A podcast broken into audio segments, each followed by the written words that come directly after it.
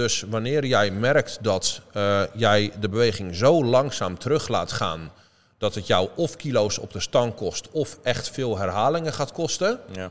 dan ga je te traag. Ja. Dus je significante trainingsvolume moet in loop van tijd omhoog. Ja. Daar ga je vrijwel al je progressie vandaan halen. Goeiedag, welkom terug bij de Sportpoeder podcast. En vandaag gaan we het met Papa J, welkom trouwens, Yes. het weer hebben over nou ja, eh, informativiteit wat betreft fitness. eh, en dit keer over het trainen zelf. En Mhm. eigenlijk over nou ja, de reps die we altijd doen tijdens onze sets, tijdens onze workouts. Eh, wat eigenlijk de verdeling daarin is en de logica daarachter. Dus we gaan het vandaag dan hebben over concentrische beweging, Mhm. excentrische beweging en controle. Ehm, mis ik dan nog iets binnen dat rijtje? Ehm, als je hem echt ehm, helemaal strak wil trekken, dan heb je in principe vier. Vaak specificeren ze vier eh, momenten tijdens een, een herhaling. Mhm. Dus dat is het, eh, nou, het, het concentrische traject. Ja. Dus dat is bij een biceps curl inderdaad het, het, het, het aanspannen van, of eigenlijk bij elke spier het aanspannen, het samenknijpen van de spier. Dus bij een biceps curl wanneer de ja, hand, pols naar de schouder gaat. Eh, dan heb je de concentrische positie. Dat is de aangespannen positie. Dus waar de spier op zijn meest kort is.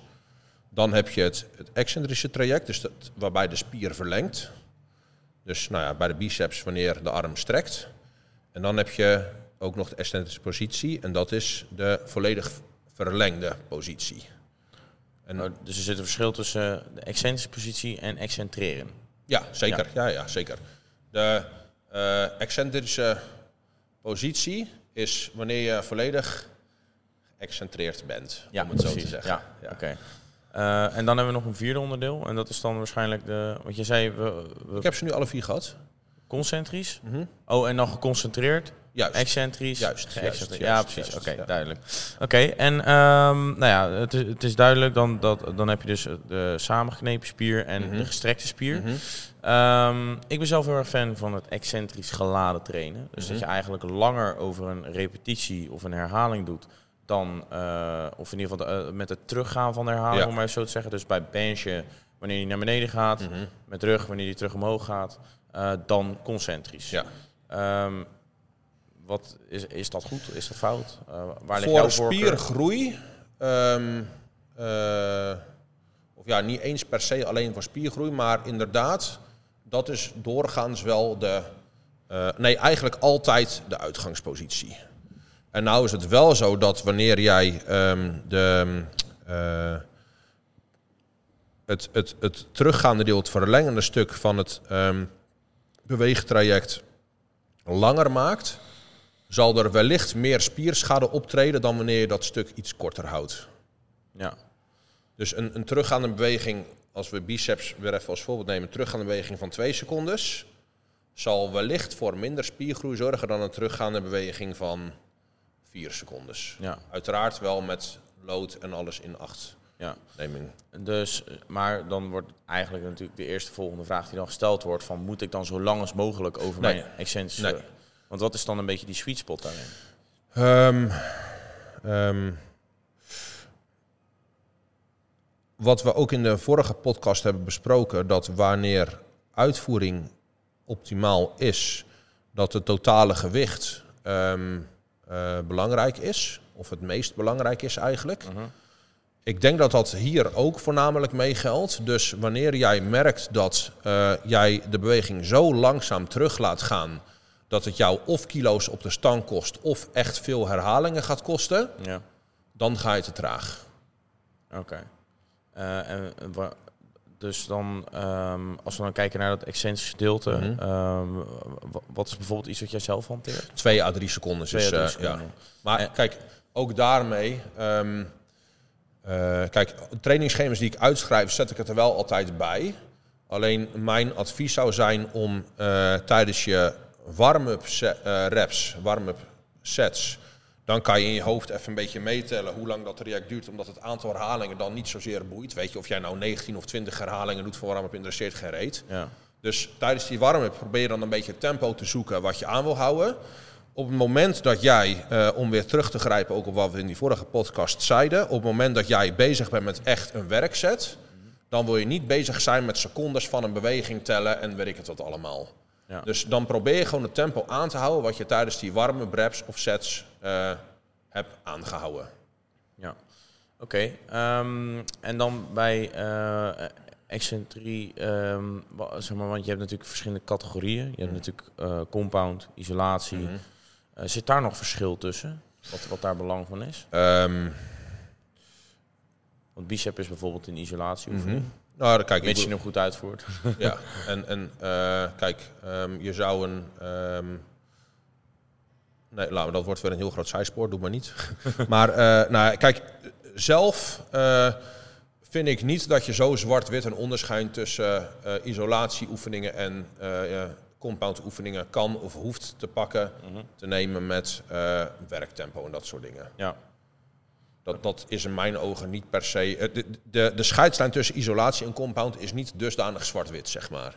Nee, dat denk ik ook inderdaad. Omdat niet elke isolatieoefening is volledig iso. Ik denk dat je daar ook weer gradaties in kan maken, Zeker, waardoor ja. de ene isolatie En- heel dicht bij een compound ligt. En dan heb je ook nog eens dat, ehm, eh, kijk, je hebt natuurlijk monoarticulaire en biarticulaire spieren. Dus eh articulair is het aantal gewrichten dat het overspant. Je, ehm, nou ja, je, je brachialis, dus de spier die vanaf onderarm naar eh, bovenarm loopt, is monoarticulair. Die overspant alleen je ellebooggewricht. Biceps overspant elleboog en schoudergewricht. Ja, Dus dat maakt ook nog verschil. Hm. Eh, en nou ja, dat is een beetje, eh, kijk, eh weet ik veel, hamstrings, bijna alle koppen van je hamstrings overspannen knie en heup. Maar, maar één kop van je kwad overspant zowel knie en heup en die andere die overspannen alleen je knie. Dus Ja. weet je, er is ehm, eh, ook qua isolatieoefeningen, binnen isolatieoefeningen zijn ook nog wel wat verschillende gradaties en, en is ook nog onderscheid te maken. valt ook nog genoeg over te zeggen. Ja, oké. Ehm, als we dan kijken naar eh, nou de, de, de, de, vier onderdelen. Mhm. Ehm, want hoe zou jij dat dan bij wijze van spreken, stel we zouden een rep gaan doen. Mhm. Hoe zou je dat dan verdelen per aantal secondes bijvoorbeeld? Deze aflevering wordt mede mogelijk gemaakt door MyProtein. Het merk wat jullie kennen van de Alpha Pre-Workout, wat wetenschappelijk best gedoseerde pre-workout is momenteel op de markt qua prijs-kwaliteitsverhouding. Wil je daar nou bestellen? Check dan eventjes de Sportpoeder app. En MyProtein bedankt voor het mede mogelijk maken van deze aflevering. Ehm, nou, dat, dat eh, ligt. ehm, kijk, en dan ben je weer lekker aan het mierenneuken. Dus het, het belangrijkste. Nee, maar dat is ook prima. Maar het belangrijkste is natuurlijk gewoon dat waar we het in die vorige aflevering over hadden. eh, het significante trainingsvolume. Dat, Ja. dat is veel belangrijker dan, dan het aantal secondes slash millisecondes dat je over een deel van een herhaling doet. Ja, Ehm, kijk, in sommige trainingsblokken, als het bijvoorbeeld wenselijk is om niet heel veel spierschade te creëren, dan zou je ervoor kunnen kiezen om oefeningen die eh, de korte positie wat meer benadrukken en dus de lange positie niet zoveel benadrukken qua belasting. En dan ook nog eens eh, ehm, weinig tijd spenderen in bijvoorbeeld verlengde positie. Dus stel, ehm, we doen een eh biceps curl met een kabel die vanaf achter trekt in uitgestrokken, uitge- uitgestrekte positie. Dus die is, eh, de weerstand is maximaal in verlengde positie.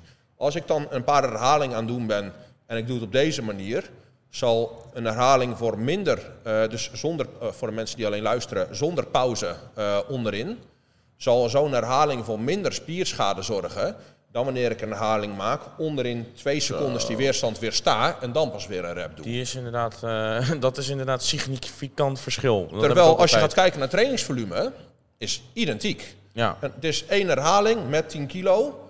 Eh, nou ja, is dus 10 kilo trainingsvolume.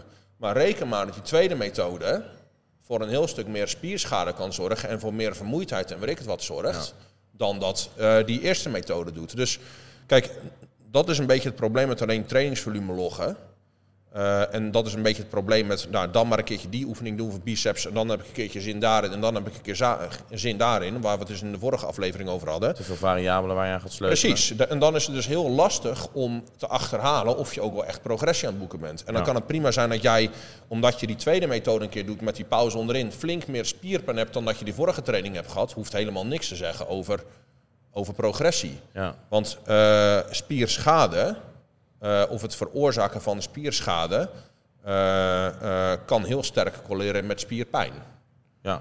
Dus, Maar het is niet één op één hetzelfde. nee, nee, zeker niet. Nee, dat klopt. Maar daarom zei ik ook correleren, Ja, ja, ja, precies. Nee, nee, maar voordat mensen weer hun eigen conclusies gaan trekken. Maar kijk, om even met een zijspoor terug te komen op jouw vraag over hoe ik zo'n rap zou doen. Dit is wel heel geadvanceerde shit. Hier zou ik niet te veel tijd en aandacht aan besteden. Wat ik gewoon zou doen. ehm, ehm, zorg dat je teruggaande beweging, dus verlengende beweging, 2 à 3 seconden is. Hou onderin 0 of 1 seconde pauze. Zorg dat je opgaande beweging of verkortende beweging rond 1 seconde is. Dus niet, niet per se fucking explosief, maar zeker niet ook bewust traag. En dan kan je bovenin, nou ja, eventueel een korte pauze hanteren. Ligt er natuurlijk ook aan of je een oefening hebt. Eh, laten we borstspier even als voorbeeld nemen. Een, een, een dumbbell press hier bovenin pauze houden doet voor borstspier heel weinig, want weinig eh, weerstand. In dezelfde positie zitten terwijl je een machine fly aan het doen bent. Dus deze positie vasthouden heel zwaar. ja, Dus oefeningsselectie hangt wel heel sterk samen met het trainingstempo. ja. En ik denk, is het ook dat bij die excentrische positie dat de weerstand op de spier van groot belang is? Omdat je hem, wat, omdat je hem er langer over doet, dat de weerstand dan ook groter is? Dat ligt meer een beetje aan eh, de oefeningsselectie zelf. Laten we weer even die biceps als voorbeeld nemen. Stel dat jij een dumbbell curl aan het doen bent. Onderin een pauze van 10 seconden doet geen fuck. Je bent Ja. gewoon je grip aan het trainen, maar voor biceps doet het niks. Een biceps curl waarmee je een kabel recht omlaag trekt, doet ook weinig eh, wanneer jij onderin een pauze houdt. Een biceps curl waarbij je onderin de kabel in een hoek van 90 graden ten opzichte van je hand trekt, doet heel veel, die pauze onderin. Ja, die sta je inderdaad. Dus dat heeft meer te maken met je oefeningsselectie en met waar de weerstand van een oefening heen trekt, dan, nou ja, Ja. Oké, en als je dan, eh, want jij zegt zelf van, nou, dit is geavanceerde Mhm. shit. Daar hoef je niet zo druk om te maken. Iedereen probeert natuurlijk wel altijd zijn trainingen te optimaliseren. dan Ehm, zou ik het tempo wat ik net zei, zou ik dan een beetje proberen aan te houden. Ja.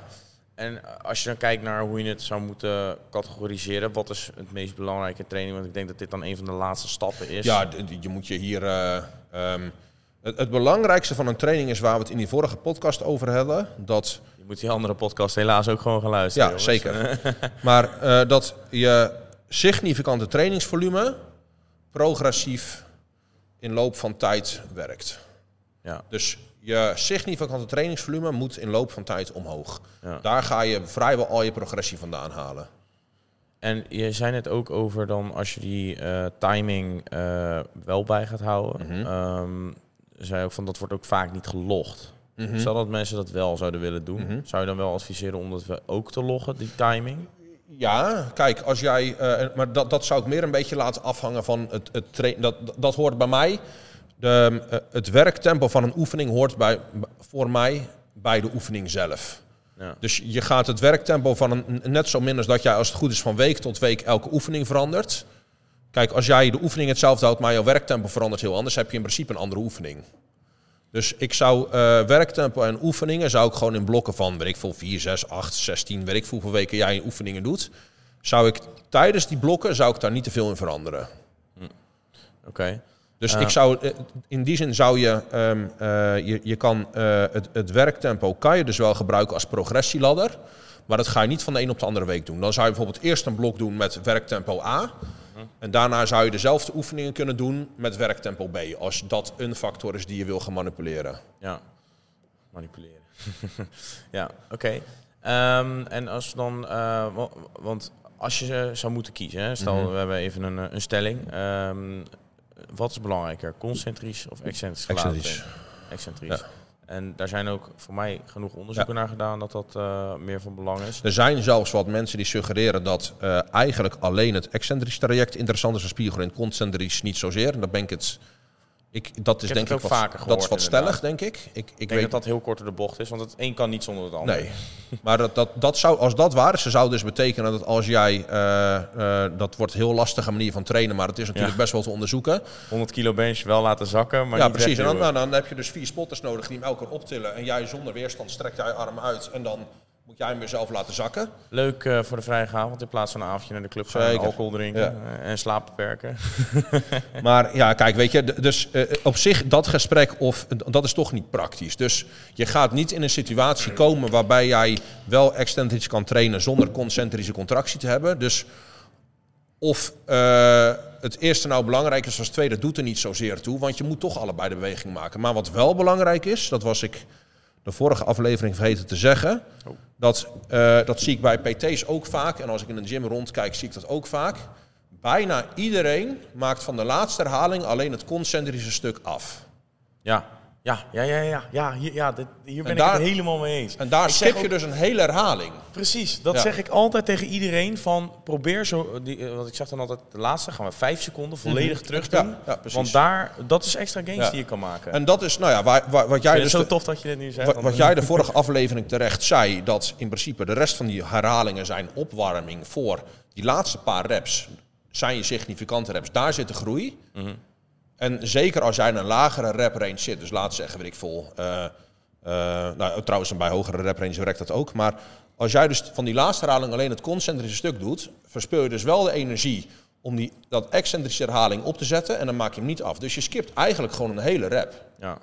ja, eens. Dus van de laatste herhaling wil je juist de, het excentrische, het neergaan, het verlengende stuk, wil je ook afmaken. En dan pas is die rep of die set klaar. Ja.